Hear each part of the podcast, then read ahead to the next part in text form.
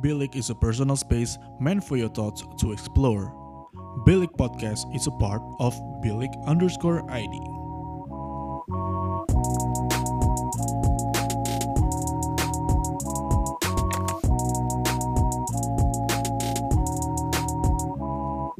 Bilik, your thoughts matter. Ladies and gentlemen, welcome back to yet another episode of Bilik Podcast di segmen Bilik Curhat yang pastinya segmen ini selalu mengangkat soal personal personal story, personal story dari masing-masing narasumber yang gue undang. Dan hari ini gue lagi ada di BSD di suatu kantor kantor milik seseorang yang uh, akan gue interview hari ini. Beliau adalah seorang penggiat kosmetik, make up dan sudah melalang buana di banyak sekali tempat untuk sampai di titik seperti ini. Gue punya Mbak Faradina Dwi Safitri. Halo Mbak. Halo Vigo. Gimana? Sehat? Kabar? Alhamdulillah sehat. Vigo gimana? Ah, gini-gini sih Mbak. Sehat Mbak. Alhamdulillah. Kemarin ini lagi sibuk ini ya Mbak ya, lagi sibuk uh, untuk rilisan produk baru Shannon ya Mbak ya? Ya betul banget, kita kemarin liris produk lumayan banyak ya, ada kurang lebih 11 varian. 11 varian. Gimana -hmm. tuh Mbak pro ah, progresnya sejauh ini? So far oke okay banget sih. Uh, emang skincare kan lagi digandrungin sekarang. Betul. Dan betul, betul. Alhamdulillah semua suka dengan produknya hmm. dan ke depannya tentunya kita akan terus inovasi lah, rilis produk-produk baru. Dan aku aku aku juga sebagai uh, salah satu mitra dari Shannon juga ini sih ngeliat, melihat tuh dari jaringan antusiasme cukup tinggi mbak untuk produk-produk ini. Jadi uh, insya Allah bisa menjadi suatu suatu hal yang akan membangkitkan gairah-gairah para mitra Amin. channel berikutnya ya. Amin. Apalagi Vigo mewakili anak-anak muda ya yang mulai berbisnis nih. Wah iya nih. Di industri yang sangat luar biasa Karena ini. Karena zaman begini, pandemi gini kalau nggak sambil side bisnis mah amsyong mbak. Betul, setuju banget. Setuju yeah. banget. Nah Mbak Dina ini uh, adalah founder CEO dari uh, PT Shannon Global Indonesia uh, sebuah perusahaan yang bergerak di bidang kosmetik dan skincare ya mbak ya. Iya betul. Tapi uh, untuk basicnya sendiri mbak ini kuasa mbak Dina ini kuasa ini sebenarnya di bidang apanya sih basicnya nih? Oke, okay. kalau pendidikan formal sih sebenarnya aku itu komunikasi pemasaran. Hmm. Jadi emang pada dasarnya suka ngomong, suka ketemu orang gitu ya, suka ngisi acara dan lain sebagainya. Tapi kalau passion aku sendiri adalah di bidang kosmetik, hmm. makanya aku dari SMA itu udah banyak uh, apa ya bereksperimen lah dengan produk-produk kosmetik dan juga di waktu aku kuliah aku menyempatkan diri untuk terus belajar dari gimana caranya kita bikin make up, hmm. cara make upin diri sendiri dan orang lain sampai akhirnya ya ada di titik ini gitu. Hmm. Jadi semuanya based on passion. Untuk interestnya sendiri terhadap make up atau uh, beauty gitu, kecantikan gitu, kapan mulai engehnya mbak? Kok, kok kayaknya ini gue seneng banget nih bikin beginian nih. Gitu. Aku tuh Apakah udah mulai dari SD apa dari mana? Aku dari SMP itu udah suka Betul. banget sama warna-warna. Oh. Tapi nggak pernah berani pakai. Beda Vi sama anak sekarang. Kalau anak zaman sekarang itu SMP pun ke sekolah bibirnya udah ombre. Iya. Ya kan, udah ya tipis-tipis pakai alis gitu ya, oh, pensil udah, alis. Udah mulai berdempul gitu ya. Iya, betul.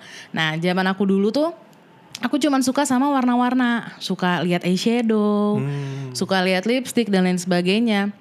Sampai akhirnya SMA aku udah mulai tuh sisihin uang jajan, aku beli makeup sendiri. Udah mulai koleksi tuh SMA tuh ya? Betul. Pulang sekolah, aku udah mulai bikin look lah, udah mulai mikir, ih pulang sekolah eyeshadow ntar mau bikin warna apa ya, biru kah merah gitu. Jadi dandan sendiri bukan keluar. Oh jadi nungguin pulang sekolah tuh nungguin di rumah mau bikin warna-warna apa iya, gitu? Iya udah kepikiran kayak gitu. Waduh berarti Saking emang, sukanya. emang tergeraknya tuh pertamanya dari visualnya dulu ya mbak ya? Betul dari visualnya dulu aku lihat kok menarik waktu itu ya belum kepikiran lah untuk hmm. mau berkecimpung di dunia bisnis industri kosmetik tapi udah mulai tuh eksperimen suka lipstick uh, eyeshadow dulu ya pokoknya warna-warna itu aku udah mulai uh, koleksi hmm. Tapi kan kalau misalnya kita ngelihat kalau misalnya Mbak Dina ini tertarik secara visual, kenapa spesifiknya jatuhnya akhirnya ke make up? Kan bisa ke fashion kayak baju-baju gitu kan juga banyak yang warna-warna, Mbak. Betul. Nah, gimana tuh? Nggak tahu ya aku ngerasa make up itu jadi aku suka gambar hmm? tapi anehnya aku nggak bisa gambar di kanvas oh. gambar di kertas gitu nggak bisa aku jelek banget kalau gambar di bidang datar gitu malah nggak bisa nggak ya? bisa tapi kalau di muka padahal kan basicnya ya kita kayak gambar gitu cuman di muka hmm. tapi kalau di muka aku lebih seneng lebih suka uh, apa ya dulu lihat-lihat majalah fashion terus lihat-lihat uh, acara-acara fashion TV dulu hmm. suka ada oh ternyata looknya seperti ini gitu loh hmm. eyeshadow tuh ternyata nggak cuma warna netral loh. Lu mau pakai warna hijau, mau pakai warna merah, yaitu ekspresi diri lo gitu. Jadi lebih kepada oh ternyata dari make up ini aku bisa meng- mengekspresikan diriku sendiri. Hmm, gitu. Jadi eh, kalau misalnya nonton acara-acara fashion show gitu yang dilihat bukan bajunya tapi looksnya ya. Bukan, looknya yang apa namanya bajunya tuh kadang baju yang super duper mewah tapi bibirnya hitam gitu kan kalau fashion make Oh, iya, nah itu iya, aku iya. tertarik aja kayak oh ternyata beauty itu nggak cuman harus bibir tuh harus merah tuh nggak. Hmm. Bibir tuh mau warna biru kayak hijau kayak ya itu ekspresi diri lo gitu. Eh, jadi nggak harus yang merona tapi apa pun bisa di- kalau misalnya sentuhannya pas gitu ya. Iya, betul. Bisa jadi cakep gitu ya. Di situ bagi aku wah menarik banget nih make up. Tapi seiring dengan berjalannya waktu mulai belajar yang namanya makeup itu pasti pernah dong ah, sambilan-sambilan gitu jadi makeup artist gitu. Pernah, pernah. Nah kanvas-kanvas pertama yang Mbak Dina tuh siapa-siapa aja sih Mbak? Selain muka aku sendiri, aku waktu itu eh, bareng teman-teman. Barang teman-teman. bareng teman-teman terus adik-adik kelasku tuh yang eh, misalnya dia baru mau bikin buku tahunan tuh kan kalau misalnya mau lulus Oh yearbook gitu. kan butuh make up. Oh. itu aku make upin gitu. Keluarga-keluarga tanteku. Ah. itu semuanya kayaknya hampir udah pernah deh aku make upin tuh dulu. Sering banget. Tapi ke eh, eh, begitu pertama kali makeup makeupin orang ini, apakah feedback feedback yang da- didapat ke Mbak Dina gitu, Mbak Dina dapat, apakah langsung, oh ternyata emang udah udah tangannya emang udah terbentuk untuk makeupin orang gini, apa gimana nih? Apa ada perlu belajar yang gimana gimana banget gitu? Eh, so far sih setiap aku make upin orang ya mereka suka lah ya. Karena aku juga dulu walaupun belum pernah belajar secara formal, dulu tuh sudah mulai tuh di YouTube Oh di YouTube. tutorial-tutorial make up walaupun nggak sebanyak sekarang ya. Hmm, betul betul. Dulu tuh ya satu atau dua orang tuh mereka bikin tutorial make up, di situ aku ikutin belajar ngelihat mereka gimana caranya bikin alis, eh, bikin eyeshadow. Nah, di situ aku terapkan ke eh, klien-klienku dulu, keluarga dan teman-teman sekitar. Hmm, jadi emang untuk awalnya gini itu otodidak ya mbak? Otodidak. Otodidak dan benar-benar berdasarkan ketertarikan secara dari visual gitu ya warna ya. Betul. Keren banget sih. Nah begitu ber- Mbak Dina nih sebelum lanjut studi ke luar negeri nih jadi MUA di sini berapa lama nih makeup artist gitu? Aku jadi MUA itu berapa tahun ya? Dari lulus SMA sampai semester 4 kuliah lah, jadi kurang lebih tiga tahunan. Kurang lebih itu aku tahunan. ya? mulai make upin dari segala jenis make up, eh, wedding, make up, eh, photoshoot, terus pernah juga special effect. jadi Special temenku effect. Bikin project bikin film zombie. Nah itu aku bikin tuh make up zombinya. Jadi yang efek-efek berdarah-darah apa. Nah itu aku belajarnya dari YouTube. Waktu itu. Sebeda apa mbak makeupin spesial buat special effect gitu sama makeup makeup biasa gitu? Beda kalau make up biasa itu kan kalau make up wedding Mhm. eh, itu gimana caranya kita bikin orang itu jadi pangling gitu loh. Berubah dari hari-hari biasanya jadi di hari spesialnya dia itu kita bisa merubah dia eh, jadi lebih eh, wow lah gitu. Nah, kalau photoshoot itu kita lebih mikirin biasanya kalau misalnya mau make upin photoshoot tuh aku nanya dulu, lightingnya di mana aja. Aku nanya sama fotografernya. Lightingnya di mana aja. Jadi aku make upinnya tuh misalnya kasih highlighter biar saat di foto tuh ada refleksnya gitu loh. Jadi kelihatan glowing dan lain sebagainya. Jadi yang di yang diperhitungkan itu adalah porsinya ya mbak? ya? Betul, kalau special effect, kalau special effect ya gimana caranya terlihat real, real banget gitu loh. Kita Apalagi bikin zombie luka, gitu kan. iya bikin luka, terus softlandnya yang putih semua, Hmm. gitu. Pokoknya tekniknya berbeda-beda. Oke.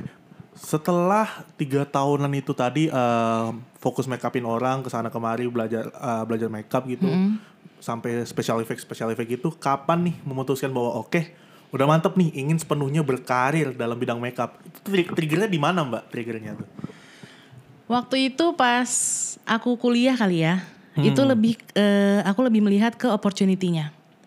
opportunity-nya oke Aku melihat dulu Industrinya ya berarti? industrinya.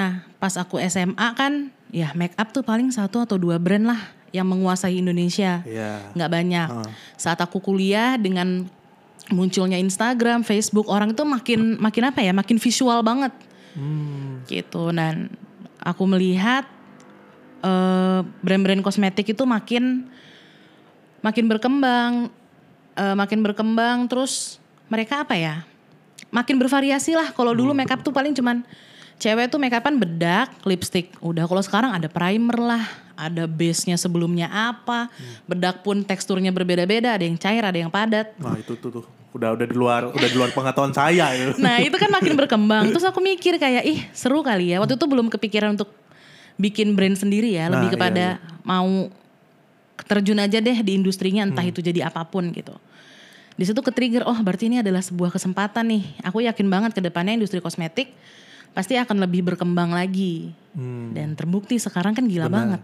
Benar benar. Sekarang orang mana sih nyari merek luar negeri, merek lokal tuh udah banyak banget yang bagus. Hmm, benar. Kualitasnya pun nggak kalah. Kalau misalnya ditanya pengen cantik kalau pengen sehat, jawab pengen sehat. Tapi kalau misalnya di logo dompetnya isinya Iya, kosmetik. isinya kosmetik, bukan, Bukan isi. obat. Iya, bukan isi obat, bukan isi vitamin, bukan betul su- banget. suplemen gitu kan bukan, tapi isinya kosmetik. Bener Cewek sih, bener mana sih. sih yang eh, di tasnya tuh nggak ada lipstick, nggak ada bedak, pasti bawa. Oh, itu rahasia gadis-gadis tuh ya, Hmm. pasti ya. Betul. Iya sih, benar-benar benar.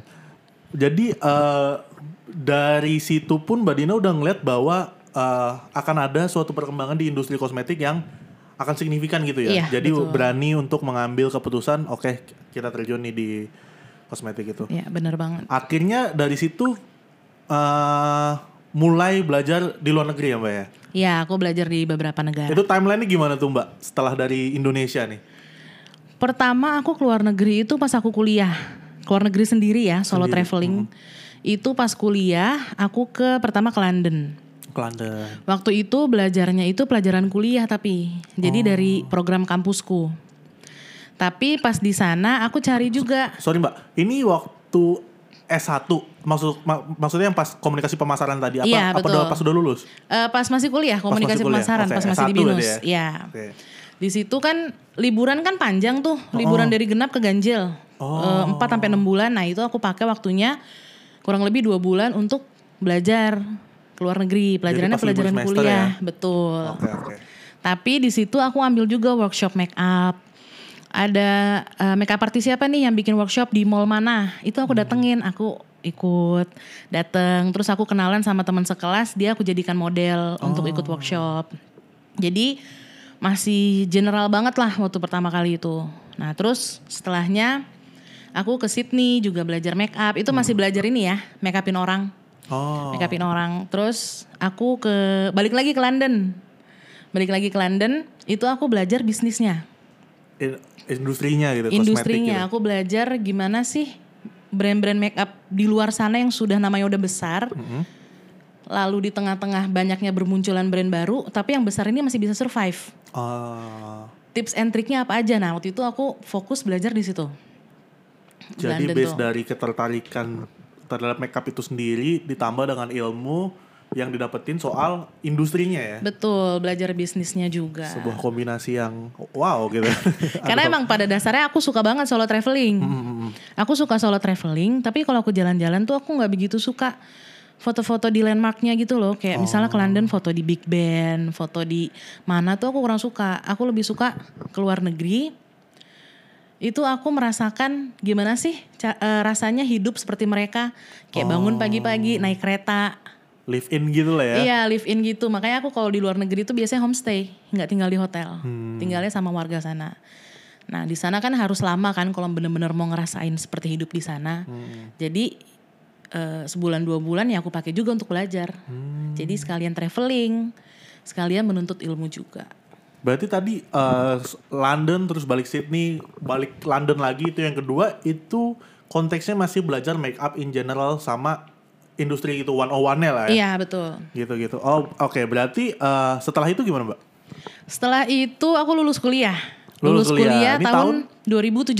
2017. S1 Komunikasi Pemasaran. Iya betul. Selesai 2017, aku tetap nih mau belajar lagi karena masih penasaran kan industri kosmetik. Hmm. Akhirnya aku pergi ke Irlandia, ke Dublin, karena Dublin itu kota yang apa ya? Banyak banget headquarter di sana, headquarter eh, Facebook, Google itu di Dublin semua. Oh, aku pun gitu. baru tahu. Jadi aku ke sana, nah di situ tuh aku belajar gimana sih caranya mengolah bahan mentah menjadi produk kosmetik yang sehari-hari aku pakai. Hmm. Jadi belajar bikin eyeshadow. Dari pigment, dari eh, oilnya, terus ingredients ingredients itu kita aduk. Itu Dublin ya mbak. Mm-mm, Jadi generalnya udah dapet, terus ilmu secara marketing, advertising udah dapet, sekarang produksinya. Produksinya Oke, betul. wow bertahap sekali ya. Iya. nice banget nih. Oke oke oke. Terus gimana mbak? Terus eh, molding produknya, terus eh, kalau kita mau bikin lipstick itu eh, kalau eh, yang bagus tuh harusnya seperti apa dan lain sebagainya itu aku belajar di situ. Nah, di situlah aku berpikir, ih ternyata ingredients yang dipakai ini toh. Hmm. Terus aku berpikir Indonesia kan negara resources. Ini banyak banget nih bahan-bahan tersedia di Indonesia. Oke gitu. oke oke. Tapi kenapa pada saat itu Indonesia kosmetiknya Tertinggal gitu. tertinggal gitu, belum bisa bersaing eh, dengan produk kosmetik luar negeri. Karena kalau kita ke mall 70% itu masih brand-brand Eropa, brand Amerika.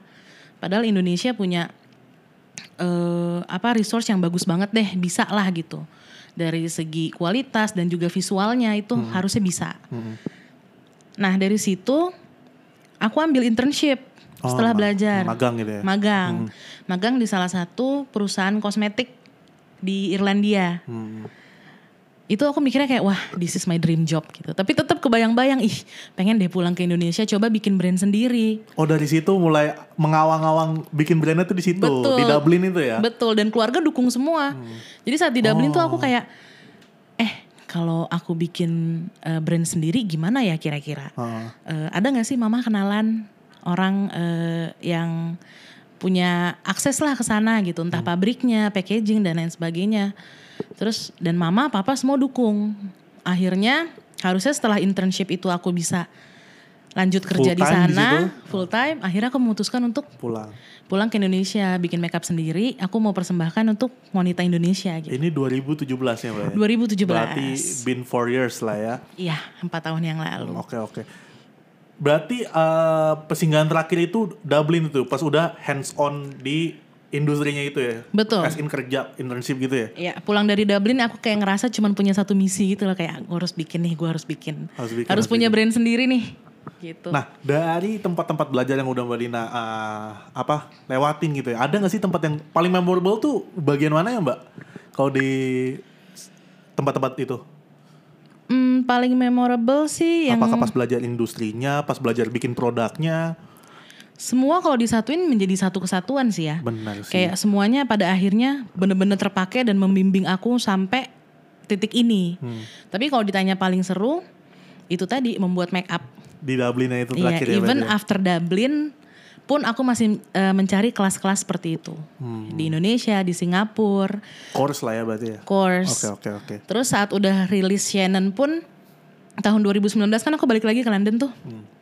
Itu aku masih belajar lagi tuh cara meracik kosmetik, tapi posisinya sudah bawa brand, Brand aku sendiri. sendiri, yang Shannon. Lihat gak sih foto Shannon yang foto di eh, London Bridge? Oh iya. Pernah lihat ada, kan? Ada, nah, ada, ada. itu akhirnya aku balik lagi ke London dengan posisi sudah punya brand sendiri dan aku foto produkku di situ.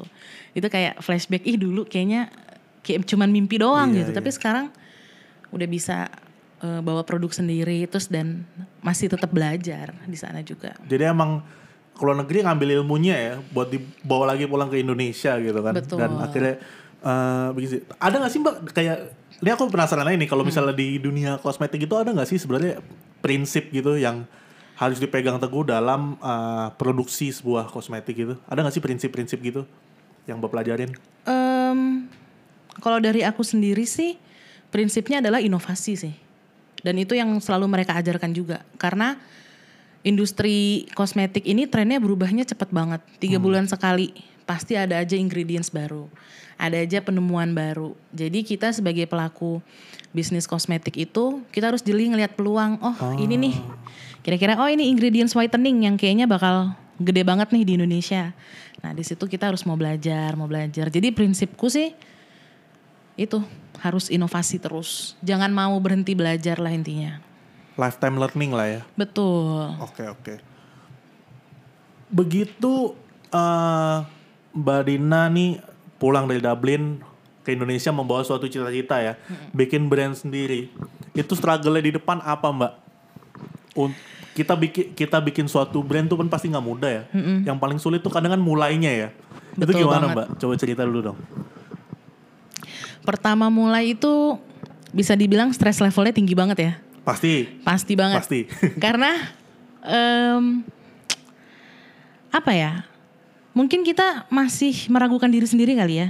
Musuh utamaku dulu tuh adalah diri sendiri. Karena aku pada dasarnya bukan orang yang percaya diri banget gitu. Jadi saat tengah-tengah mau bikin, saat tengah-tengah mau bikin, aku melihat di sekitarku brand baru bermunculan semua. Itu aku berpikir kayak ini kalau misalnya empat bulan lagi nih aku keluarkan brand aku sendiri, kira-kira bisa survive nggak? berkompetisi dengan mereka semua. Kira-kira hal apa nih yang bisa aku bawa eh, di brand aku, value-nya apa yang bisa membedakan brandku dengan brand lain. Ini posisinya masih 2017 apa udah 2018, Mbak? Itu 2018 awal. Awal. Siaran kan Awal-awal. akhir ya, 2018 akhir ya. Iya, kita launching akhir. Oke, oke. Gimana? Gitu. Nah, itu dari sisi eh, apa namanya? eh, industrinya ya kayak aku ngerasa kayak aku cocok gak sih di industri ini kayak masih bertanya-tanya aja gitu. Terus yang sulitnya lagi menentukan formula. Karena make up itu kan personal banget. Hmm, Di aku cocok, di orang lain belum tentu cocok. betul. Di orang lain gak cocok, mungkin di orang lain cocok lagi gitu. Jadi gimana caranya nih bikin sebuah formula yang semua orang tuh suka gitu dan bisa eh, memenuhi keinginan mereka semua wanita Indonesia. Di situ struggling lagi ya kan, aku bolak-balik eh, menciptakan formula lipstick. Kan koleksi lipstickku tuh banyak banget di rumah Iya, iya. ada lima laci, bukan laci kecil ya, laci yang gede banget. Itu bener aku bawa semua ke pabrik. Aku bawa semua ke pabrik, bolak-balik. Eh, mana nih yang kira-kira brandnya bagus, formulanya bagus dan cocok untuk orang Indonesia gitu, nggak bikin kering, terus tahan lama. Itu strugglingnya luar biasa. Terus bahan-bahannya lagi kan ya. Bahan-bahannya, ingredients apa nih yang mau diangkat? Kira-kira yang apa ya? Aku pengen banget sih bikin sebuah produk tuh yang tentunya yang bagus, berkualitas tinggi, pasti. teknologinya juga yang terbaik. Jadi memilih memilihnya itu sangat-sangat lama gitu loh. Prosesnya lumayan. Apalagi eh, Mbak Dini ini posisinya belum pernah mendirikan suatu bisnis yang lain kan sebelumnya. Belum, biasanya kan aku bantu-bantu bisnis mau apa-apa aja kan. Ah, ah, ah. nggak pernah sendiri gitu. Tapi untuk mendirikan suatu atas nama sendiri itu belum gitu. Ini yang pertama ya.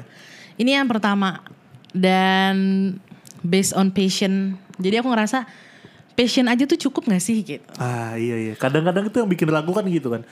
Suka sih, si cinta sih sama bidang ini. Cuma cukup nggak ya gitu iya, kan. cukup nggak ya passion? Maksudnya eh when it comes to money kan oke passion, tapi kan ada faktor-faktor lainnya yang harus menunjang juga. Nah, faktor-faktor lainnya nih aku punya nggak? Gitu. Nah, itulah yang aku pelajari eh, seiring berjalannya eh, berjalannya waktu. Begitu Shannon ini rilis jalan beberapa ta- setahun pertama ini apa yang suatu hal yang ada nggak suatu hal yang Mbak Rina nih nggak expect nih? Oh ternyata begini ya kalau ngelola bisnis sendiri ya. Kok nggak nggak pernah ter- terbayangkan atau nggak pernah terpelajari gitu loh waktu masih belajar gitu. Ada nggak sih kayak gitu-gitu? Ada, apalagi dengan industri yang Shannon pilih ya, yaitu network marketing, di mana kita banyak banget berurusan dengan orang lain. Ya direct Bia- selling ya. Betul, biasanya kan eh, punya kosmetik nih seorang CEO atau formulatornya biasanya nggak eh, apa ya, nggak berhubungan langsung dengan customer. Tapi kalau aku kan bersama member-memberku, aku langsung ke mereka gitu kan memberikan training, terus banyak ngobrol juga. Nah, yang aku nggak expect adalah ternyata dalam berbisnis nih kita akan bertemu dengan orang-orang dengan kepribadian yang berbeda-beda. Betul. Dan di situ aku adalah tipe orang yang uh, people pleaser gitu loh. Aku pengen semua orang tuh happy dengan keputusanku. Nah ternyata yang, yang seperti itu dalam dunia bisnis tuh nggak bisa. At the end of the day kita harus mikir apa yang terbaik untuk perusahaan. Betul. Gitu. Nah itu yang sesuatu yang aku pelajari yang bagi aku itu berharga banget. Jadi ya udah setiap bikin keputusan apa pun itu yang penting yang terbaik untuk perusahaan dan brand aku sendiri. Dan tentunya untuk orang lain juga. Di situlah adaptasi yang paling menantang ya mbak ya. Betul, setuju banget. Mas Vigo juga di sini kan banyak berbisnis kan, ketemu orang, pasti paham lah. Paham sih. Gimana? Kurang lebihnya sih paham ya. Cuma untuk di posisi sebagai pendiri perusahaan mungkin belum. belum paham gitu mbak. Oke oke oke oke. Iya iya. Dari pasti dalam membuat atau mendirikan suatu perusahaan bisnis gitu kan apalagi eh, yang dasarnya adalah kecintaan terhadap industrinya itu kan pasti ada cita-citanya lah mbak ya nah cita-cita mbak Dina pribadi itu dari awal sama yang sekarang itu berbeda apa sama mbak dan apa cita-citanya tuh Visi dan misi yang Visi, awal misi aku lah. miliki dan sekarang. dan sekarang Oke, kita ngomongin yang dulu-dulu kali ya. Kalau visi misiku yang dulu itu adalah gimana caranya wanita Indonesia itu nggak cuman cantik, tapi mereka juga bisa punya penghasilan. Jadi aku ingat kata mamaku kan, sebaik-baiknya orang adalah orang yang bermanfaat untuk orang lain. Nah, gimana nih dengan aku mengeluarkan bisnis ini? Aku nggak sukses sendiri, tapi banyak orang yang ikut sukses bersamaku, gitu. Nah, itulah alasannya kenapa aku pilih eh, network marketing, karena kan kita ya memberikan peluang lah untuk wanita-wanita itu untuk juga berbisnis. tapi pernah terpikirkan untuk ya udah jual konvensional aja biasa gitu Kepikiran banget. kepikiran banget ya Kepikiran ya? banget. Karena kan rata-rata orang gini. Kalau misalnya mau bikin sebuah brand kosmetik, mereka bercita-cita, ah aku pengen banget deh brand gue bisa eh, masuk toko ini. oh bisa iya. masuk toko ini di mall besar dan Di lain mall-mall sebagainya. gitu ya? Nah, kalau network marketing kan nggak bisa. Karena aku nggak bisa jual secara eh, bikin eh, bikin booth atau taruh di toko Secara agen kecantikan, gitu ya, nggak bisa agen ya? gitu nggak bisa. Jadi benar-benar aku langsung ke mitraku. oke oke Tapi aku berpikir lah eh, ternyata dari network marketing ini aku banyak belajar. Di sini nggak cuman gimana caranya kita sukses sendiri, tapi kita sukses bersama. Nah, di situ yang aku pengen dari Shannon ini bisa memberikan sebuah punya nilai tersendiri lah, berbeda dari brand-brand lainnya. Awalnya sih gara-gara koleksi make upku tuh kan banyak banget. Koleksi make upku banyak. Waktu itu aku lagi beres-beres, lihat make up terus ih, make up gue banyak banget ya. Ini kalau misalnya ada cashback enak banget nih lumayan gue bisa dapat Oh. berapa. Dulu mikirnya kayak gitu. Simple itu ya. Sesimpel itu. Aku punya satu brand itu dia ngeluarin eyeshadow, aku punya semuanya 15 apa 20 gitu. 20 varian 20 gitu. ya? varian dari Wow. satu brand. Wah, aku mikir kayak nih brand aku udah loyal nih sama brand ini. Ini kalau misalnya dia mau ngasih cashback, duitku udah banyak banget nih. Gitu mikirnya awalnya. Tapi kok nggak dapet apa-apa Tapi gitu. nggak dapat apa-apa. Selain Aku produk. merekomendasikan produk ini ke temenku, terus temenku beli juga aku nggak dapat apa-apa dari brandnya. Oh iya. Terus ih, berarti konsep eh, network marketing nih keren nih. Gitu dengan kita loyal dengan suatu brand, ya brand itu akan memberikan komisi ke teman-teman juga. Sim- sesimpel itu sih dulu sebenarnya. itu ya. Untuk untuk sekarang apakah cita-cita itu masih dipegang teguh? Apa ada penambahan-penambahan yang lain gitu? Eh, masih dipegang teguh, cuman bedanya adalah dulu namanya baru kan pesimis gitu. Ah, yang penting aku nanti eh, fokus aja di Jabodetabek. Nah, fokus aja di iya, Jabodetabek. Tapi sekarang misiku jadi lebih luas lah. Gimana caranya seluruh Indonesia ini bisa cobain produk Shannon sampai ke pelosok-pelosok mana pun semua pakai Shannon lah gitu. Aku ingin mengenalkan produkku yang aku persembahkan untuk wanita Indonesia ke seluruh Indonesia juga. Gitu dan itu ya alhamdulillah sih insya Allah sebentar lagi eh, bisa tercapai gitu. Itu visi panjang sih. Mungkin bisa lima tahun ke depan. Amin. Semoga tercapai ya Mbak ya. Amin. Amin amin. Aku ada kepo sedikit nih Mbak. Yang namanya kita mendirikan dan menjalankan suatu bisnis kan pasti ada fondasi yang namanya idealisme dari kita sendiri kan sebagai. Pernah nggak berbenturan antara idealisme dan what's best for the the company? Pastinya pernah sih. Apalagi kita anak muda kan terkenal dengan masih idealisme banget gitu betul, kan. betul, betul. Ya, Itu dia banyak- makanya. Iya, ini ini pertanyaannya eh, bagus banget sih karena bener banget, banyak banget eh apa ya? Aku berusaha untuk gimana caranya menjadi orang yang sangat-sangat idealisme, tapi tidak bisa diterapkan di perusahaan gitu loh. Tapi luckily aku punya orang-orang di mana aku bisa eh, sharing, mamaku, ayahku yang sudah lama juga berbisnis. Mereka memberikan bahwa oh nggak selamanya apa yang kita pikir baik itu efeknya juga akan baik. Baik. Karena ya sekali lagi kita fokus ke perusahaan itu nggak cuma ke diri sendiri tapi kan melibatkan banyak orang. Apalagi Shannon punya mitra di mana-mana. Itu pasti kita memikirkan, memikirkan sebuah keputusan itu harus baik untuk semuanya. Di situlah aku merasa oh ya udah aku kesampingkan egoku, Padahal pengennya ini, soalnya kalau Iya. di luar tuh seperti ini gitu kan. Di luar tuh seperti ini, oh ternyata nggak bisa nggak bisa diterapkan. Eh, ya sudah, kita kembali gimana caranya yang terbaik untuk perusahaan. Balik lagi perusahaan nomor satu lah ya. Nomor satu. Kita sebagai atau Mbak Dina sebagai eh, pendiri bisa di nomor dua kan lah. Iya betul. Karena kalau kalau Mbak Dina tetap eh, memaksakan idealisme untuk diterapkan tapi perusa- perusahaannya kolaps kan percuma. Betul banget. Malah rugi banyak gitu. Bener, setuju. Mungkin terakhir sih Mbak dari aku Mbak. Eh, untuk Shannon sendiri nih what to expect in the upcoming future from Shannon da- sama dari Mbak Dina sendiri gitu. Em, lebih kepada ini ya, cita-cita Shannon kira-kira ke depannya Shannon akan jadi seperti Iya, apa gitu. Pertama Atau project-project dalam waktu dekat lah selain kita kan eh, baru ini nih baru rilis dua produk ya. Mm, Gitu Visero sama Tenesa ya. Oke, kalau masalah produk, alhamdulillah kita selalu planning itu. em, misalnya nih, ini tahun 2021 kan sudah akhir, Nas. Aku udah mikir 2022 itu aku akan mengeluarkan produk-produk apa. Jadi em, project kita adalah ke depannya kita akan keluarkan lagi produk-produk yang kalau bisa dari ujung kepala sampai ujung kaki tuh Shannon semua. Iya. Ke depannya kita akan keluarkan body care, sabun, body scrub. Lalu nanti kita akan keluarkan juga produk-produk make up yang eh, yang paling trendy lah. Apa sih yang lagi ngetren sekarang kita akan keluarkan. Kita akan memberikan teknologi te- eh, teknologi ke- eh, terbaru. Terus juga pengennya ke depannya Shannon itu kita eh, punya pabrik sendiri sih. Hmm. Itu salah satu eh, misiku juga gimana caranya Shannon punya pabrik sendiri. Terus eh, ya itu tadi Shannon mau bikin Shannon Store. Hmm. Shannon Store itu seperti kantor di seluruh Indonesia di kota-kota besar. Tahun 2019 kan udah ada tuh di Makassar, Balikpapan, Palembang. Nah, ke depannya Shannon akan eh, meluaskan sayapnya lagi.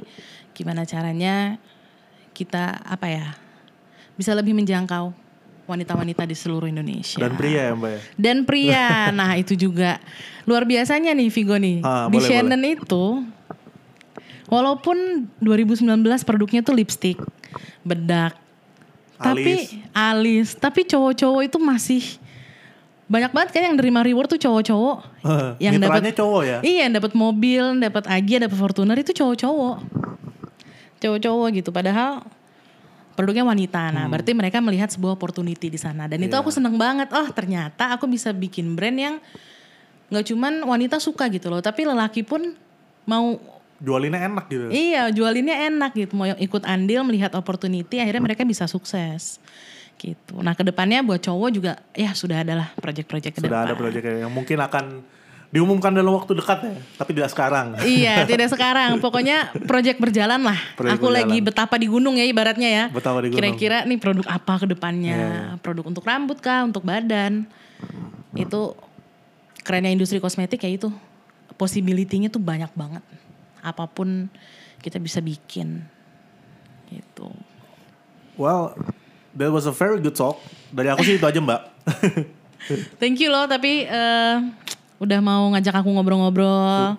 Udah mau nyepatin waktunya juga. Loh, kan yang sibuk Mbak Dina. aku mau malah berterima kasih karena Mbak Dina sudah mau ditemui dan mau main gitu ke Bilik Podcast. Oh, aku senang banget kalau diajak sharing-sharing. Semoga ya teman-teman yang dengerin mendapatkan inilah. Kira-kira ada apa manfaat yang bisa diambil. Bener, karena aku kan secara pribadi juga sering denger Mbak Dina sharing kan dan aku menang aku rasa, uh ini kalau bisa dia angkat di podcast seru banget nih. karena emang uh, story-nya yang tadi kita dengerin teman-teman uh, sampai uh, ke London, ke Dublin, ke Australia untuk belajar gitu ya dan akhirnya pulang ke tanah air untuk membawa sebuah cita-cita itu menurut aku suatu cerita dan suatu mim, uh, suatu story yang bagus banget sih. Karena banyak juga kan kita nggak salah sih, ba- tapi banyak eh, orang yang begitu di luar negeri nyaman gitu. Iya, Banyak banyak, juga banget gitu. temanku yang stay di sana gitu. Iya kan, "Wih, enak di sini daripada di Indonesia gitu kan. Ah, Betul gitu. banget. Eh, aku beruntung lah waktu itu akhirnya memutuskan untuk balik ke Indonesia karena ya Shannon alhamdulillah ya berkembang Hmm. di Indonesia gitu loh. Dan insya Allah ke depannya akan lebih berkembang lagi. Sudah tiga tahun channel berjalan dan masih semoga akan sampai nanti banget lah ya. Amin. Jadi Berpuluh-puluh tahun bisnis lagi gitu. yang kita bisa wariskan ke anak cucu gitu ya kayak seru banget Amin, amin, amin. gitu. Well, ladies and gentlemen, that was uh, Mbak Faradina Dwi Sabitri, uh, founder dan CEO dari PT Channel Global Indonesia. Mbak, terima kasih sekali lagi udah main di Willy Thank you Podcast. banget Vigo. Dan teman-teman terima kasih udah dengerin up to this point dan jangan lupa dengerin episode-episode yang lain only on Bilik Podcast. Thank you. Bilik is a personal space meant for your thoughts to explore. Bilik Podcast is a part of Bilik underscore ID.